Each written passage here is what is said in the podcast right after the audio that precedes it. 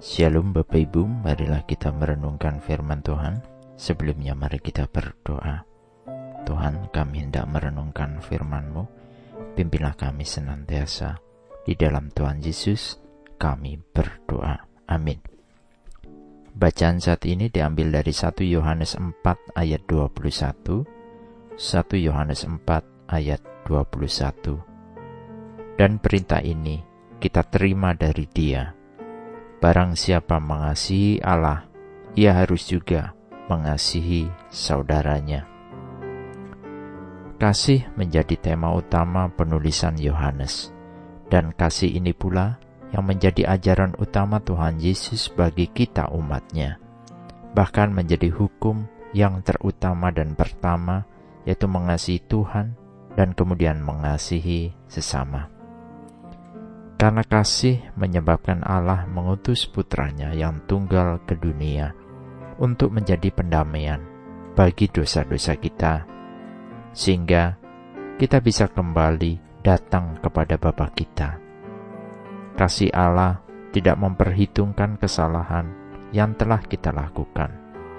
Bahkan seperti tertulis di dalam 1 Korintus 13 dan salah satunya di dalam 1 Korintus 13 ayat 7. Ia menutupi segala sesuatu, percaya segala sesuatu, mengharapkan segala sesuatu, sabar menanggung segala sesuatu.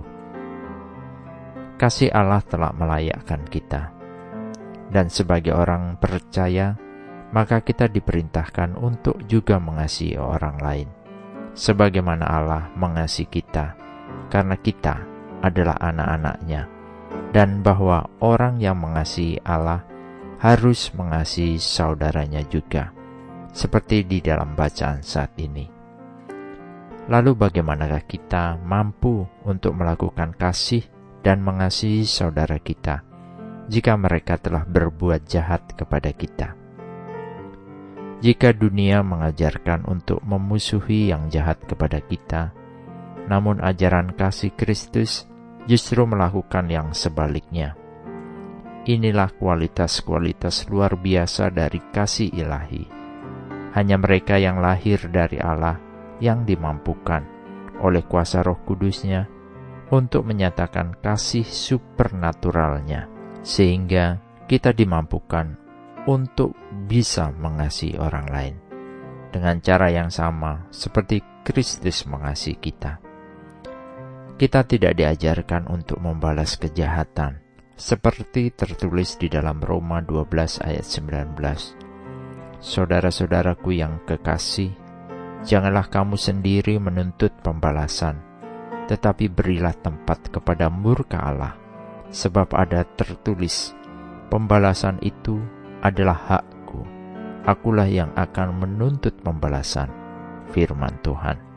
Yang kedua kemudian yang harus kita lakukan, selain kita bertindak mengasihi sesama kita, adalah mampukah kita menyerahkan semua pergumulan kita kepada Allah? Ataukah kita merasa bahwa kita sendiri bisa mengatasi pergumulan dan membalaskan kepada orang lain? Kiranya kita diberi kemampuan untuk terus mengandalkan Tuhan. Amin. Mari kita berdoa. Bapa Surgawi, rindu hati kami untuk berjalan dalam roh dan kebenaran Tuhan, sehingga kami tidak kembali jatuh di dalam dosa. Ajari kami untuk benar-benar mengeterapkan kasih Tuhan bagi diri kami dan sesama kami, terlebih kepada Tuhan. Tolong kami untuk mentaati perintahmu senantiasa. Di dalam Tuhan Yesus, kami berdoa dan memohon. Amin. Tuhan Yesus memberkati. Shalom.